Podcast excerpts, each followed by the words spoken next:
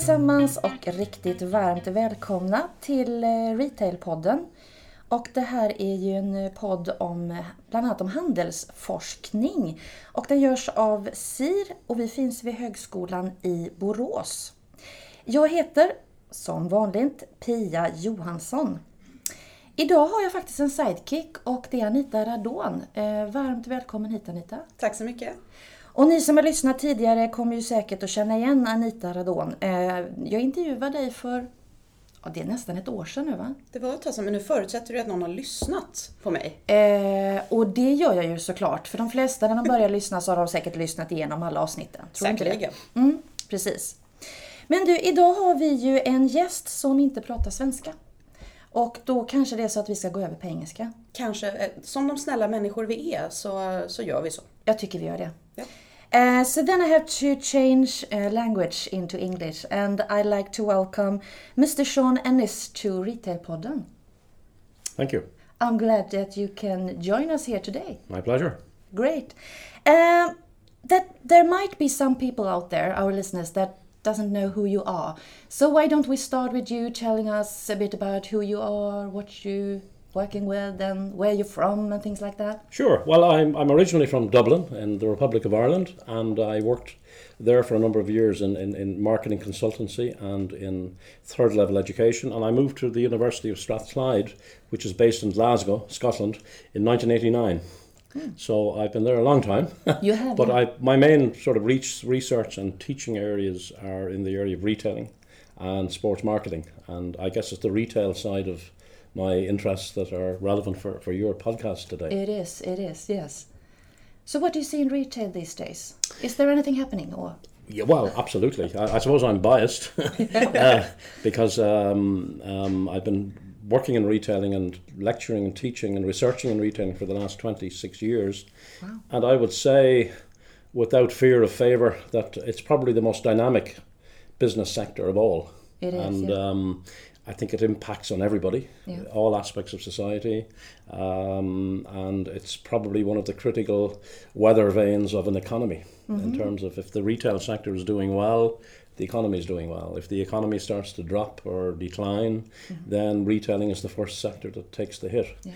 Um, but in recent years, I think over the last decade or so, I would say that uh, we've seen enormous change in the way in which retailers operate, the, the way in which they deal with their customers and their partners in the supply chain. Yeah. And um, I think uh, from that perspective, you might say that the main drivers have been in the area of IT, uh, big data, uh, technology, and uh, I guess now that the changing role of the shopper in the relationship. That's true. So, in short, I think it's it's a fascinating area to study, Yeah. and certainly for a business student, um, either at undergraduate level or postgraduate level, I think a degree or a, a, a period of study in retailing uh, equips them quite well to work in the sector.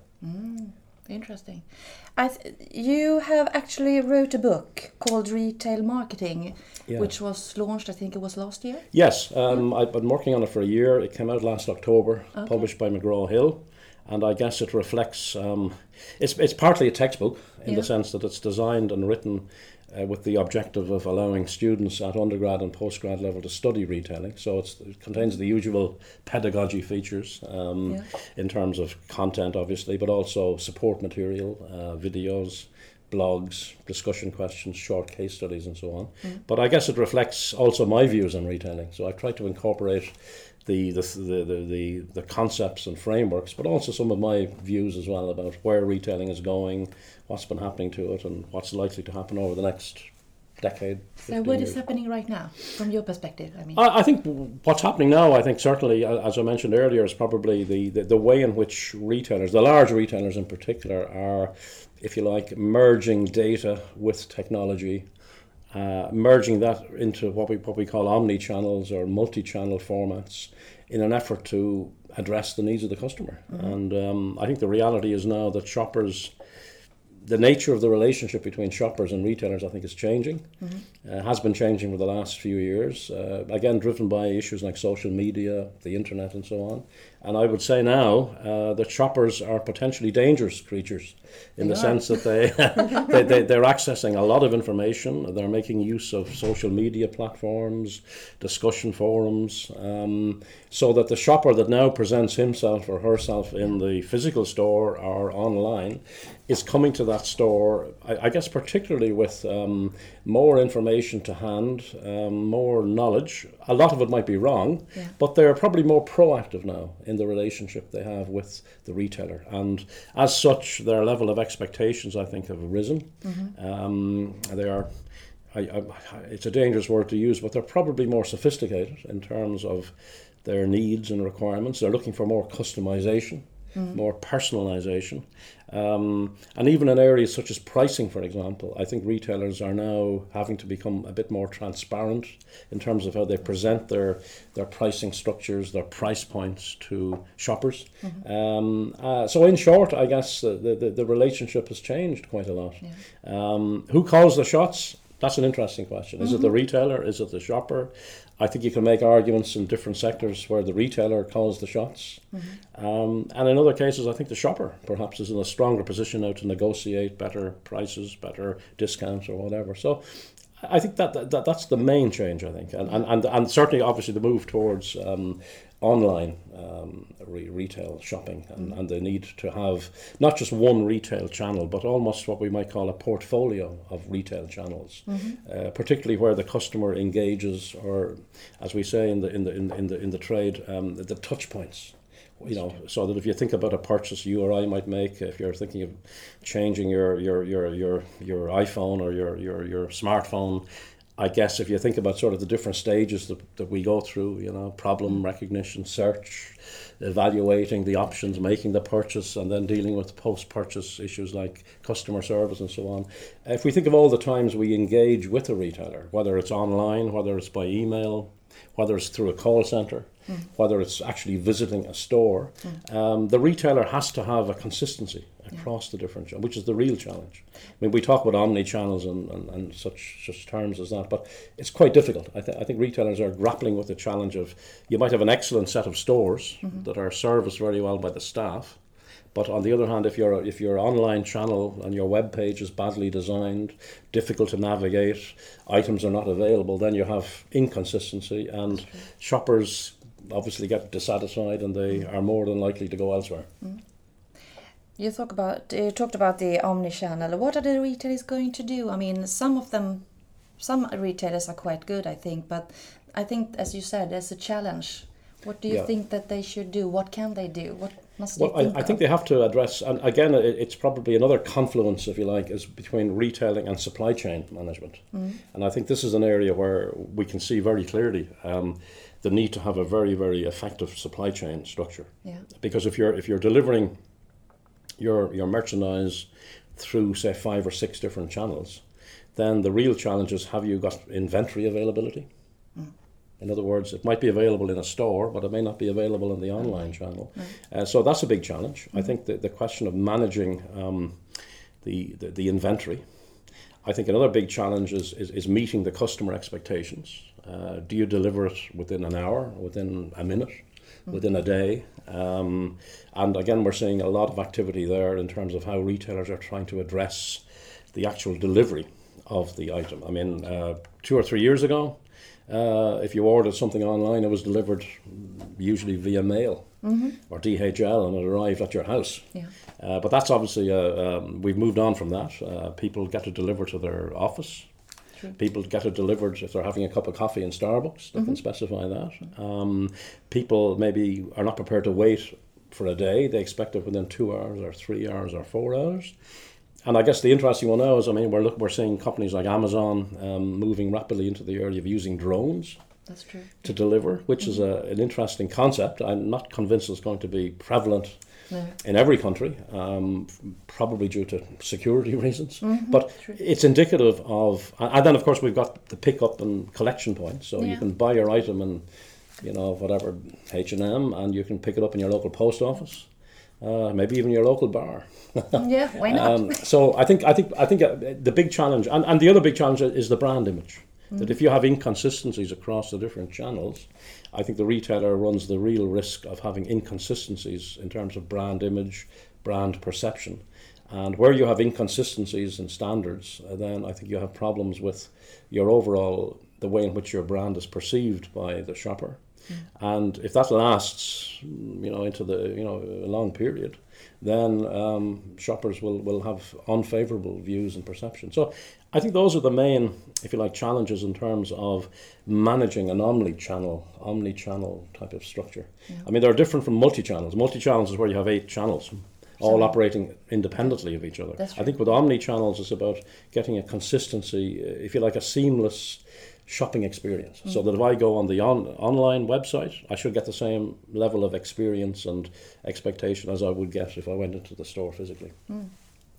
Do you, can you name any retailers that you think is very good at omnichannel? Um, well, there are a number. I think in, in, in the fashion area, I think um, we're, we're seeing different models. Some of them have, some retailers like Zara have, have gone multi-channel format. I think IKEA, obviously is the Swedish uh, um, global retailer, they've been they've been pursuing a, an interesting model. They haven't gone gung ho into sort of a range of multi-channels, but they are now sort of operating smaller store formats um, with online uh, website channels.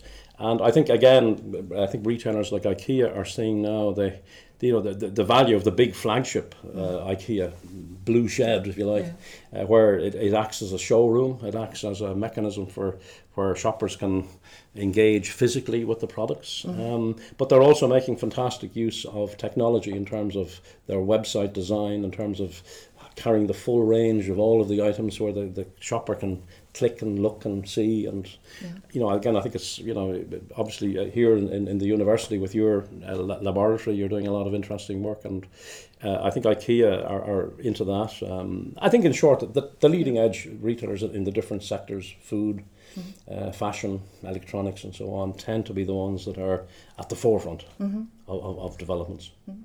Anita, you've been doing a lot of research within the brand stuff and things like that. Do you have anything interesting to? I'm, I'm thinking a bit about you talking about the brand image. Um, um, of course, and a consistency throughout the channels is, is very important. Um, I'm thinking about the whole loyalty towards a brand. I mean, previously customers they, they could really love a brand. They could also hate a brand, but they really loved it, and it was their brand. They lived the brand. Do you see a difference with digitalization that people are more inclined to love brands or less inclined to love brands? Are they more disloyal to brands? Do you see anything like that, or is there no change? I think there's a need for more research in that area to, to, to test it out. I think, I mean, with, with the social media technology and so on running for the last five years, I think this is an area that, that demands more academic research, more more practitioner based research. Uh, the short answer is I don't have any evidence based um, material to answer your question. I think if you're asking me from an anecdotal point of view, I think there are pluses and minuses. I, I think the um, the advent of social media platforms and so on allows the shopper, if he or she wants to, to engage much more, not just with the retailer, but also with fellow fans, if you like, of the brand. So if you're an IKEA lover, um, there are plenty of discussion forums out there. You can share your experiences. You can read other people's comments. You can read blogs. You can really get immersed in the brand. And if you follow that line of logic, I guess you would say that those who love the brand can love it even more. um, I think the negative side of it, perhaps, is that if retailers misuse the um, uh, the technology and misuse social media and sort of intrude, if you like, or act as party poopers almost, and, and try to use social media to their advantage too obviously. I think they can turn off shoppers. I think you can aggravate shoppers who don't like their privacy to be invaded too much. Although you might equally argue that by signing up for these things, you're you're inviting them to, to do it. Um, I think that's an area that will be become even more interesting. I think retailers, if you think about things like geolocation um, technology, like beacon technology, and so on.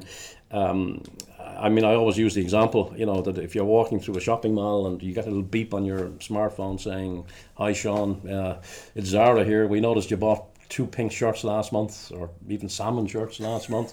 Um, and we'd like to say you're, you're, you're near one of our stores. Please call in and see our new range of pink salmon shirts. Um, is that good or is it bad? I mean, some people would love that. Some people would say, "Wow, that's nice." You know, it's nice to be recognised. It's nice to get a message. You're in the shopping mall. You're not going in there to buy a shirt, but you're in shopping mode. You're in buying mode.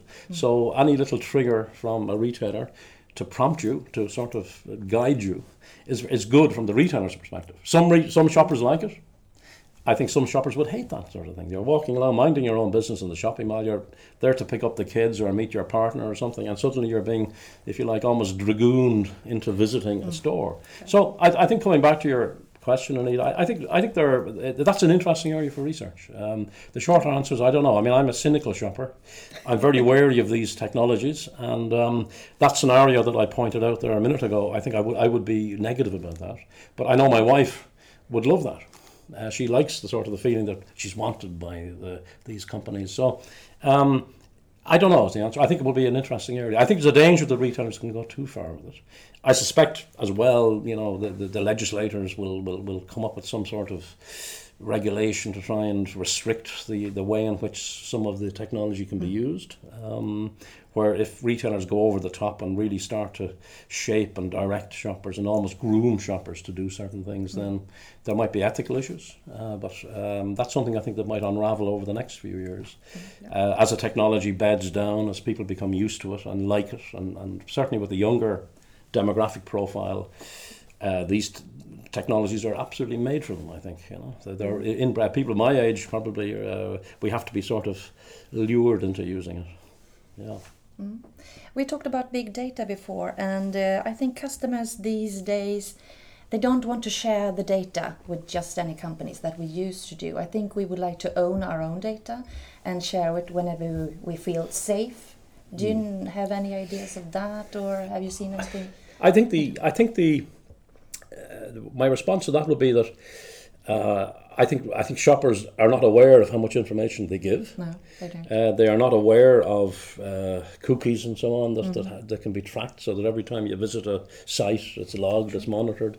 Um, and certainly with my undergrad class uh, last year, I actually had we had this discussion with them. We sort of threw it open for discussion on precisely the issue of you know big data and how how do they feel about it. And I was shocked. You know, I would say over two thirds of the class were, were, were shocked when they heard you know things like the you know they can be tracked online, their, their purchases can They be wasn't monitored. aware of that. actually. I was yes, a, a very low level of awareness uh, with a group of people that you would expect to be, you know, very literate in terms of using technology, smartphones, and so on. So uh, again, it's anecdotal, and perhaps there's a nice, interesting study here as well to be researched. But uh, if you move on to the older um, segments, the the thirties, forties, fifty year olds, uh, I would then assume that there's probably even lower uh, awareness levels. I think uh, when you make a purchase, um, you don't even have to sign up to agree to allow your data to be used. I mean, you can be tracked, you can be monitored, you can be groomed. Um,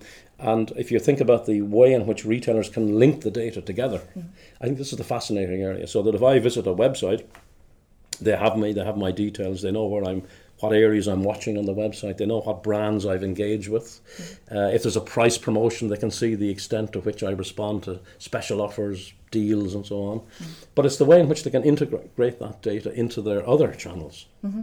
So that when, when, when I walk past a Zara store in a shopping mall and my smartphone goes beep, they're actually, the data is being integrated.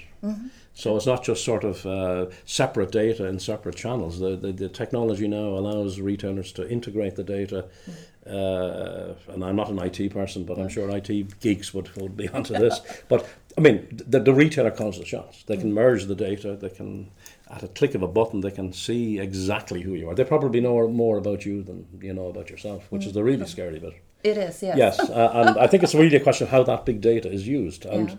being a cynical retail person, I suspect you will get you know practices which are unethical, uh, where retailers will push the boundaries and will use that data in a in a in a uh, not just unethical way, but in a way in which they are manipulating shoppers, and that becomes a big issue. I think it becomes a big issue for regulators, for government, um, EU, whatever.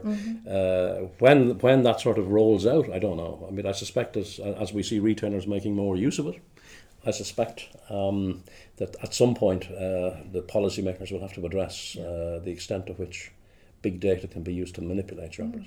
Mm. The cynical, the counter argument is the shoppers, you know, they're there to be manipulated. Mm. Let's face it, we're all manip- being manipulated. Whether we like it or not, I don't, you know, uh, we've no real control over it. No, that's true. Okay. So, do you have any ideas of what's going to happen in the near future? Just a short line on. Do you see anything revolutionary that you can give us some details about? Well, ooh, I don't know about revolutionary. Um, I think we're going to see. Um, I mean, I think one of the big challenges is, is the costs, the the the the, the, um, the cost infrastructure. It, it, you know, in terms of uh, investing in the technology, uh, but also in terms of how retailers can use the data, the technology to reduce costs, which takes us back to the supply chain area. Um, I think in the context of the big retailers. Um, I think we'll see a lot of rationalization of physical stores. Um, I think we will still need stores. So even the you know even the IKEAs, the the the, the H and M's, um, the Zara's will need flagship stores. But I think we're going to see a lot of rationalization there because there are big cost items It in terms of leasing, in terms of rental, in terms of developing. Uh, we're seeing increasingly now pop-up stores being used by the big retailers.